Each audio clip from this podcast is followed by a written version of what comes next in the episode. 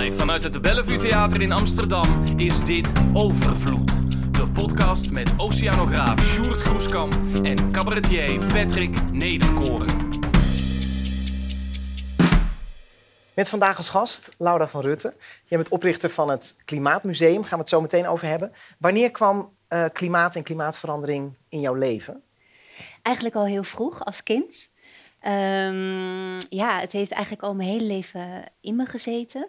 Um, bijvoorbeeld mijn moeder die vroeg dan, uh, Laura, zullen we nieuwe kleren kopen? En dan zei ik, ja, maar ik heb toch al kleren? Uh, de kraan vond ik echt verschrikkelijk als mijn ouders die lieten lopen. Ik was er heel erg intrinsiek al mee bezig. En mijn ouders dachten, is dat ons kind? Want die hadden dat helemaal maar is dat dan klimaatverandering of is dat gewoon soberheid? Of? Uh, ja, duurzaamheid. Echt bewustzijn van, uh, van de resources eigenlijk. Maar waar kwam dat vandaan dan? Als je ja, dat als kind al hebt? Dat is toch apart, hè? Ja, ik weet het niet. Oké. Okay. Ja, ja. Ja, we zijn Misschien ergens opgevangen of onbewust ergens. De, ja. de, meeste mensen moeten door een heel proces heen voordat ze zich uh, daar druk over gaan maken. Klopt. En het was dus ook meteen duidelijk voor je dat je daar iets mee wilde gaan doen. Je bent geschiedenis gaan studeren? Nou, het heeft wel een tijd geduurd voordat ik daar professioneel echt iets mee wilde. Uh, ik heb geschiedenis gestudeerd inderdaad en daarna uh, in de communicatie terechtgekomen, in musea bijvoorbeeld. En toen op een gegeven moment, uh, ook met IPCC en met het klimaatakkoord, toen werd het steeds duidelijker voor me, oké, okay, ik wil hier niet alleen privé, maar ook professioneel iets mee. En toen heb ik de overstap gemaakt. Ja. En, en je hebt ook publieksgeschiedenis gestudeerd, hè? dus dat is hoe je eigenlijk moeilijke onderwerpen, vaak historische onderwerpen, hoe je die aan het publiek vertelt. Klopt, ja. En uh, mensen vinden het soms grappig dat ik geschiedenis heb gestudeerd en nu vooral met de toekomst bezig ja. ben. Uh, maar voor mij is dat echt super logisch. Ja, en, vertel eens, wat is de logica? Nou, uh, pas als je de geschiedenis begrijpt, snap je de dag van vandaag. En dus kan je betere keuzes maken voor de toekomst. Um, en dat publieksgeschiedenis, dus ingewikkelde kwesties naar een groot publiek overbrengen, dat heb je met geschiedenis, maar ook klimaat. Ja, en in die zin is het ook heel logisch dat je een klimaatmuseum hebt opgericht. Een museum gaat natuurlijk vaak over het bewaren van wat er was. En het onderwerp van jouw klimaatmuseum is kijken wat er aankomt. Ja, je zou eigenlijk kunnen zeggen, wat conserv conserveren we? Nou, dat is dus de aarde. Ja. Dus uh, ja, een beetje meta, maar ja, dat, dat is... is uh, ja. En hoe, wat, wat moet ik me voorstellen bij dat klimaatmuseum? Wat is daar te zien? Ja, het is een pop-up museum um, uh, met projecten. Um, en het, de filosofie is eigenlijk, um, we hebben meer kunst en verbeelding nodig over klimaat, juist om het grootste Verwegistan-probleem dichterbij te halen, invoelbaarder te maken. Eigenlijk wat jullie ook doen met de voorstelling ja. als kunstenaars. Ja, en, ja precies. Nou, ik ben daar heel erg van overtuigd, maar Sjoerd vindt het nog steeds een lastige weg. Ja, ik, ik vraag me wel eens af, uh, ondanks dat we het zelf ook proberen. Um, kijk, je kan heel veel, een aantal mensen noemen die heel concreet dingen aan het doen zijn. Um, maar met zo'n voorstelling of met een klimaatmuseum, je kan eigenlijk niet meten wat het effect daarvan is. Uh, hoe je de mensen daadwerkelijk uh, raakt of niet. En ik vind dat soms wel eens lastig om daarmee om te gaan. Want dan denk ik, ja, je stopt al die tijd en energie erin. Maar je weet eigenlijk niet precies of het nou ook maar enigszins effect heeft. Hoe, hoe denk jij? Uh, nou ja, in de cultuur heb je eigenlijk twee soorten van impact meten, want daar heb je het eigenlijk over. De theory of change, van hoe weet je nou wat er verandert. en die eerste die je meet zijn de kwantitatieve resultaten. Nou, als wetenschapper weet je daar vast veel van. Beetje. Dus dan heb je het over het aantal bezoekers, het aantal uh, minuten dat iemand uh, in de pop-up is, et cetera. Dat zijn zeg maar, die zijn heel erg direct en heel erg meetbaar. En dan krijg je die rimpelingen in het water, ja. uh, die steeds verder gaan. maar het leuke is dat eigenlijk de wetenschap uh, ook aantoont dat hoe actiever je zelf met een onderwerp bezig bent, uh, hoe meer impact het heeft. Uh, en hoe meer je zelf geactiveerd wordt in je verbeelding, hoe meer invoelbaar dingen worden. Dus dat soort dingen kun je wel degelijk meten. Maar in, je hebt gelijk, ik bedoel, dat zaadje, zaadje hoop je te planten, maar wanneer die komt, dat is voor iedereen anders en dat, dat weten we inderdaad niet. Maar heb je dan wel eens een moment gehad waarop iemand dan misschien terugkoppelde dat je inderdaad succes hebt gehad om dat zaadje te planten? Dat iemand ja, heel, uh, heel bewust dingen is gaan veranderen? Nou, Met de dingen die jij hebt georganiseerd en geregeld en gedaan? Ja, nou bijvoorbeeld, we doen interviews met bezoekers om daar inderdaad een beetje achter te komen. En in de pop-up op Utrecht Centraal Station, daar was onze grote eerste pop-up uh, met uh, ja, best wel high-end kunstwerken. daar kwam van alles en nog wat langs. Echt ehm, jong, oud, van allerlei achtergronden. Maar ook uh, sceptici, of mensen die misschien dachten, die ook daadwerkelijk naar binnen kwamen om maar eens even een dialoog aan te gaan, zeg maar. um, en uh, een van de supposen die kwam naar me toe, uh, een beetje opgewonden, van nou, er ging net een jongen weg en die zei, huh, dit heeft mijn blik nou echt veranderd. Echt zo'n letterlijke zin die iemand dan, terwijl die uit pop-up loopt, dus in die tijd in de pop-up toch tot een realisatie is gekomen. En uh, dat is moeilijk meetbaar, inderdaad. Maar ja, daar doe je het wel voor uiteindelijk. Ja. En waarom is nou juist kunst daar een goede methode voor als het om die communicatie gaat? Ja, ik vind dat kunstenaars uh, kwesties invoerbaarder kunnen maken, maar ook een nieuw, verrassend perspectief kunnen geven. Zoals jullie deden met de radioshow. En eigenlijk uh, klimaatwetenschap omzetten naar hoe dat dan zou kunnen zijn in je echte leven. En dat is dan herkenbaar ergens, maar ook vervreemdend. Mm Dat laat je net iets op een andere manier naar de zaak kijken, waardoor je het beter onthoudt, waardoor, ja, waardoor het beter blijft hangen. Ja. En uh, als dingen invoelbaar worden. Want waarom komen we nou niet in actie? Hè? Want dat is eigenlijk de grote vraag. Wanneer ja. komen we nou in beweging? Uh, want je, het kan je lam slaan, zeker die doemscenario's die jullie lieten zien. Mm um, maar de hoop, daar zit weer het gevaar dat je denkt uh, oh, het komt wel goed, want geoengineering en we hebben vast wel over 50 jaar eh, kom, komt de mensheid vast met technische oplossingen, die we dus nu inderdaad nog niet hebben. Um, dus uh, het kan best wel lam slaan, omdat het nog ver weg is en, en, nog in tijd en ruimte. Uh, maar juist zo'n kunst of verbeelding of het invoelbaar maken, dat haalt het dichterbij. En, en hoe doe je, want kijk, voor mij is theater de plek die eigenlijk twee dingen doet. Hè. Dus, dus allereerst is het een, uh, ben je er samen. Dat is volgens mij heel erg belangrijk. Je zit niet alleen naar deze voorstelling te kijken. En twee is het, ik vind het goed theater. Uh, Floris van Delft noemt dat, dat is een, een, een theatermaker die noemt dat uh, liefdevol laten struikelen. Dat is wat je heel goed kan doen. Dus je kan mensen ergens mee confronteren, maar dat toch op een zachte manier doen. Um, maar dat doen we wel voor een specifiek publiek. Dus mensen hebben een kaartje gekocht, mensen weten waar ze heen gaan. Ja. Jij deed dat uh, op Utrecht Centraal. Iedereen kon daar binnenlopen. Heb je dan nog een andere verantwoordelijkheid in hoe je informatie overbrengt en waar je mensen mee confronteert? Nou, die verantwoordelijkheid heb je altijd. Uh, zeker uh, met een onderwerp zoals dit. Ja. het ligt ontzettend onder vuur. Er is ontzettend veel sceptisch. Dus um, juist die publiekscommunicatie komt daar ook weer bij kijken. Dus hoe maak je dingen nou toegankelijk? Uh, zonder het vingertje of zonder. Yeah. Uh, en dat is een fine line. Want um, uh, ik vond het wel mooi hoe jij in je relaas naar de wetenschapper legde van ja, maar wat doe jij nou dan hè, voor het klimaat? en dan word je even voor het blok gezet. En het kan al heel snel zijn van oh ja, we doen allemaal niet genoeg.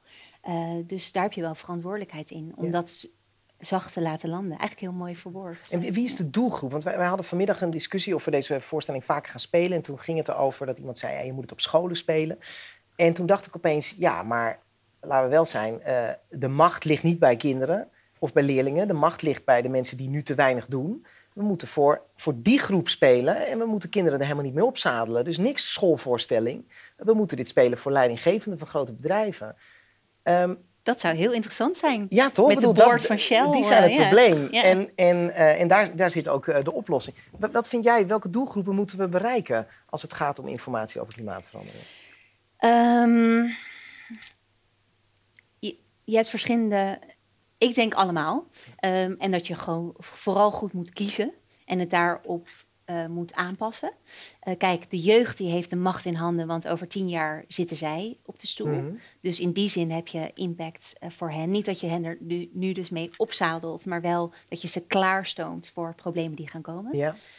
Um, en volwassenen, die hebben nu al de macht en de middelen om te veranderen. Dus, maar ik denk dat je vooral andere aanpak moet hebben.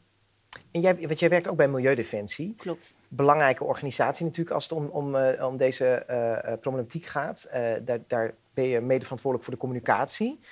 Wat, wat zijn jullie wetten? Op welke manier communiceren jullie deze info? nou, bij Milieudefensie hebben we eigenlijk nooit de strategie om de consument aan, aan te spreken. Nee. maar altijd politici en het bedrijfsleven, grote vervuilers. Uh, maar dat doen we wel met een heel groot publiek en een breed publiek. Eigenlijk zijn we een beweging. Ja. Ehm, dus in de publiekscommunicatie probeer je dus zoveel mogelijk mensen aan je, eh, met je mee te laten doen. En dat doe je inderdaad door ze eh, te activeren en niet zozeer op een activistische manier, maar meer op waardeniveau. Dus eh, in wat voor een wereld wil jij leven? Ja, dat is een goede vraag. Ja. Dat is ook een van de vragen die centraal stond bij het Klimaatmuseum. Jullie hebben op twee festivals gespeeld. Het ene festival ging over hoe ziet de wereld er in 2030 uit... en de andere hoe ziet de wereld er in 2050 uit. Wat, wat voor waarden kwamen daar voorbij? Nou, het is grappig, want ik heb dus de kaarten meegenomen van eh, die 2050-vraag. Van hoe ziet de wereld er dan uit? Ik dacht, ik neem wat mee. En ik moest heel erg eh, denken aan jouw verhaal van de Aboriginals. Want de bovenste kaart die ik dus letterlijk vanmiddag had uitgezocht voor deze podcast was... minder ego, meer community. Sjoerd vertelt in de voorstelling een verhaal over dat hij een voorstelling zag eh, gemaakt door een Aboriginal theatermaker eh, in, eh, in Tasmanië. Ja, En daar kwam dit in voor, ja. En ehm, ik heb dus ook, grappig genoeg, eh, gecategoriseerd. Je kunt natuurlijk dingen op honderden manieren categoriseren. Maar ik dacht serieus vanmiddag, laat ik het dan even op hoop en op doem selecteren. En dan zie je dus dat verreweg de meeste mensen voor hoop kiezen en niet voor doem. Dus dat geeft mij dan weer hoop. Ja, Ja, dat mensen dus toch denken, eh, we kunnen dit gewoon nog wel fixen. Weet je, Laat, laten, we, eh, laten we het anders gaan aanpakken. Laten we anders gaan leven. Als jij, En, ja. als jij al je hele leven hiermee bezig bent dus eigenlijk. En op een gegeven moment dan heb je twee van die stapeltjes en dan zie je dit en dit. Nou, dat is dan misschien hoopvol. Maar ik denk dat jij ik bent weet er waar je dus al je hele leven mee bezig. Ja. Ik ben nou, dan ben ik wel nieuwsgierig. Ja, Wat denk jij dan? Ben er jij is geen andere optie. Er is geen andere. Hmm. Nee. Dus jij bent hoopvol. Dus ik ben hoopvol. Ja. Want wat is het alternatief? Ja, ik kan wel wat benoemen, maar dat kan ik. Onder je dekbed liggen en wachten tot de storm komt. Ja. Ja, Nou, maar laten we dan anders zeggen. Want Milieudefensie is natuurlijk eh, eh, de, een van de aanstichters van de grote eh, zaak tegen Shell. Dus jullie zijn echte voorlopers. En jullie zijn ook, vind ik, echt helden dat jullie dat gedaan hebben. Een zaak waarvan iedereen zei, dat, gaat nooit, dat gaat nooit lukken. Een bedrijf dat al 30, 40 jaar weet dat klimaatverandering er is. En jullie, jullie hebben de rechten zover gekregen dat, dat het bedrijf maatregelen moet nemen. Ik vind het waanzinnig. Maar als je heel lang met iets bezig bent, dan zie je ook veel beter hoe langzaam het gaat. Dus aan de ene kant zitten jullie in de, in de top van de hoop, hè, want jullie zijn de vooruitlopers. Maar aan de andere kant zie je dus ook hoe ver de rest achteraan hobbelt. ja. Hoe, hoe zorg je ervoor dat je de goede kant op blijft kijken? Dat je niet vooral die achterstand bij de anderen ziet. Ja, nou dat is soms best wel lastig, dat zeg ik eerlijk. Dus die klimaatdepressie waar je het over hebt, ook in de voorstelling, dat herken ik natuurlijk wel. En ook eh, bij collega's. En we zitten er elke dag helemaal middenin, weet je wel. Ehm, maar de sprankjes hoop, die zijn er ook. En ik denk dat het belangrijk is om je daarop te focussen. Plus dat er dus echt steeds meer mensen bij ons komen. Dus wat je ziet, het Klimaatmuseum was super klein toen ik ermee begon. Het is nu nog steeds niet zo heel erg groot, maar het is wel aan het groeien. Milieudefensie is aan het groeien. Ja. Steeds meer mensen gaan meedoen. En ja, daar zoek ik dan de hoop in. Het is ook fijn om jou te zien praten, zeg maar. Dat, de luisteraars die, die horen het waarschijnlijk ook. Maar je bent, je bent echt vol van enthousiasme. Dus ik word meteen, ik denk meteen, ja, ik ga met je meedoen. Ja, dit, dat, is, dat is fijn. En dat zijn volgens mij ook de voorbeelden die we, die we moeten hebben. Hè? Dus dat, dat het, dat het een, ook een leuke wereld is als we onze schouders eronder zetten. Ja, het is misschien een beetje kinderachtig, maar dat, dat heb ik wel nodig. Dus ik kan ook wel somber zijn, maar in die somberte keer ik me ervan af. Terwijl Ja, als ik hoop ja. zie, wil ik meedoen. Ja, heel goed. En, en ik denk dat het heel belangrijk is om inderdaad te blijven zien dat je jezelf dus niet voor de gek houdt in de hoop. En wel die realistische hoop hebt, zoals jij verkondigt in de voorstelling Short. Ehm, dus dat is wel een fine line. Ja, maar Laura dan toch even, want oh, daar gaat mijn wijn. Ja. Maar eh, wij, wij speelden een voorstelling op, eh op Texel. En eh, ter voorbereiding op deze voorstelling. En daar, daar waren we wat explicieter. Dus we zeiden, ja jongens, vlees eten, jongens, het is voorbij, snap je? En toen waren we klaar. Toen kwam een vriend van mij naar me toe. En die zei, nou, we gaan lekker bitterballen eten. Eh, dus ik zeg, nou ja, eh, is er een vegetarische bitterbal? Nee, je moet vlees eten. Maar dat was een soort heel raar, weet je het nog? Ja, ik weet het nog. ja, ja. ik, ik wil op behoefte om zijn naam te noemen, maar dat ga ik niet doen. Maar toen dacht ik, heb je nou... Het is heel duidelijk, we hebben het helemaal uitgelegd. En dan is dat dan provocatie of wat? Nee, wat is dat? Cognitieve dissonantie. Ja, daar heb je een woord voor. ja, dat is eigenlijk... Maar moet ik hem ontvrienden? Dat is eigenlijk nee, de vraag. tuurlijk niet. Volgens mij is die hartstikke gezellig. Oké, oké, oké, oké. Hij is gezegd. Ja, vertel. Nee, dat heeft ook tijd nodig. En het heeft absoluut 0,000 nut om iemand te gaan overtuigen door diegene te gaan zeggen: je mag geen bitterballen meer eten. Ja. Dat Maar- heeft. eh, Maar die tijd hebben we niet meer. eh, nee, en daarom denk ik dat we meer verbeelding nodig hebben, meer kunst, meer invoelbaar maken. En natuurlijk ook gewoon beleid. En die grote vervuilers moeten, eh, moeten klimaatplichten krijgen en dat soort dingen. Er zijn op allerlei niveaus, moet er actie komen. Eigenlijk doe jij dus twee dingen. Dus aan de ene kant ben je bezig om het voelbaar te maken. Dat is voor het grote publiek. En op die manier probeer je dan bijvoorbeeld de politiek te beïnvloeden... omdat ze dan anders gaan stemmen misschien. Tegelijk pakken jullie ook bedrijven aan via Milieudefensie. Ja. Wat natuurlijk weer een heel concreet voorbeeld is van... boem, we gaan ze op die manier aanpakken. Klopt. Ja, maar ik denk een vrij zo'n- integrale, vrij integrale actie. Ja, maar iedereen moet volgens mij ook doen waar, waar zijn of haar meerwaarde ligt. Hè? Dus volgens mij hoeft niet iedereen in dat concrete en in dat... eh, want, want ik word, daar, daar hebben we het in onze voorstelling natuurlijk ook over... ik word echt niet overtuigd door de grafiekjes en dat soort dingen... maar wel door een persoonlijk verhaal wat jij vertelt. Dus bij mij is dat een middel wat veel meer binnenkomt. Eh, Als, als we naar jouw museum kijken, eh, natuurlijk, alle kunstwerken zijn, hè, het zijn je kinderen, zijn je allemaal even dierbaar. Welke is het leukst? Ehm, nou, ik vond ook uit die, eh, nou, meerdere. Ehm, mag ik er twee noemen? Ja, heel graag. Oké, nou uit de pop-up eh, op Utrecht Centraal Station hadden we een, eh een kweekvleeskookboek van Next Nature Network liggen. Die mensen konden inbladeren en in konden zien. En ik heb gewoon een keer een middag gewoon gekeken naar de reacties op dat boek. Ja. En dan denk je, het is een boek. Maar er waren fysieke reacties. Mensen die zo deden, eh, of een vieze, vies hoofd trokken, of zich echt fysiek afstand deden van het boek. Of eh, in lachen uitbarsten met elkaar. Door er naar te kijken alleen al. Ja, ja, door die ja. recepten te lezen. Want dat waren dus recepten met kweekvlees. Maar dat waren de meest bizarre recepten. Dus bijvoorbeeld ook eh, blokjes Madonna. Dus dan was de cellen van Madonna waren gekweekt. En dat waren dan borrel, borrelblokjes, weet je wel. Dus, en dat is natuurlijk die verbeelding. Ehm, en sommige mensen zeiden kweekvlees, dat is nog steeds eh, denken in het, oude, hè, in het oude patroon. Want dan moet je blijkbaar een vervanger hebben om je gewone leven nog soort... Nou, dit was natuurlijk Ja. niet gewoon, maar je snapt wat ik bedoel. Ehm, en anderen die, die, die werden daar fysiek eh, door eh, geraakt.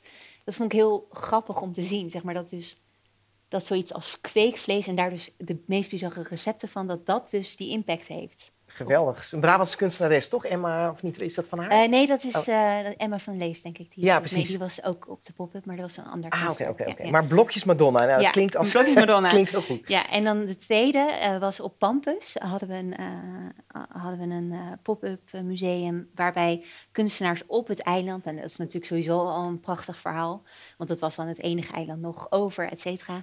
Ehm, en eh, die maakten daar een film. Eh, en die had dus drie interviews. Het was eigenlijk een documentaire die die maakte uit de toekomst. En dan dus de mensen die vertelden over hun waterleven. Nou, dat is best wel ingrijpend, want je zit dus op een eiland. Je kijkt naar een, een documentaire uit de toekomst. Ja, En je hoort dus inderdaad die persoonlijke verhalen. En dat vond ik echt een heel mooi geslaagd eh, project. en wij vragen steeds, hoe denk jij dat de wereld in 2100 eruit ziet? Maar als we deze lijn doortrekken, hoe denk jij dat wij in 2100 naar deze generatie kijken? Ehm, ehm, nou, hoe ik er zelf naar kijk op dit moment is wel een beetje blok voor je kop, toch? Ehm, we willen het, we willen er nog niet aan. We willen het eigenlijk niet helemaal zien. Nee. Ehm, en ik hoop natuurlijk dat dat wel gaat veranderen. En we hebben nog maar een paar jaar om echt de eerste grote stappen te zetten. Ja.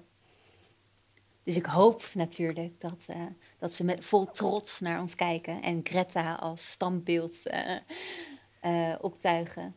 En, en jezelf? Als je, als je straks terugkijkt, wat, ben je trots op wat je gedaan hebt? Ehm, nee, dat is echt niet het goede woord. Ik doe wat ik moet doen. Ik voel echt totaal, ik vind het totaal logisch wat ik doe. Totale logica. Ja, ik snap het. Ik snap het. ja. ja. Waarom is, waarom is het voor jou, Sjoerd, belangrijk dat je op het podium staat? En dat het, het onderzoek dat je doet, dat dat niet genoeg is? Nou, omdat ehm, het onderzoek heeft al uitgewezen waar we heen gaan. En eh, het wordt wel nauwkeuriger en we kunnen wel nog beter voorspellen. En dat maakt het beleid maken misschien ietsje, makkelijker.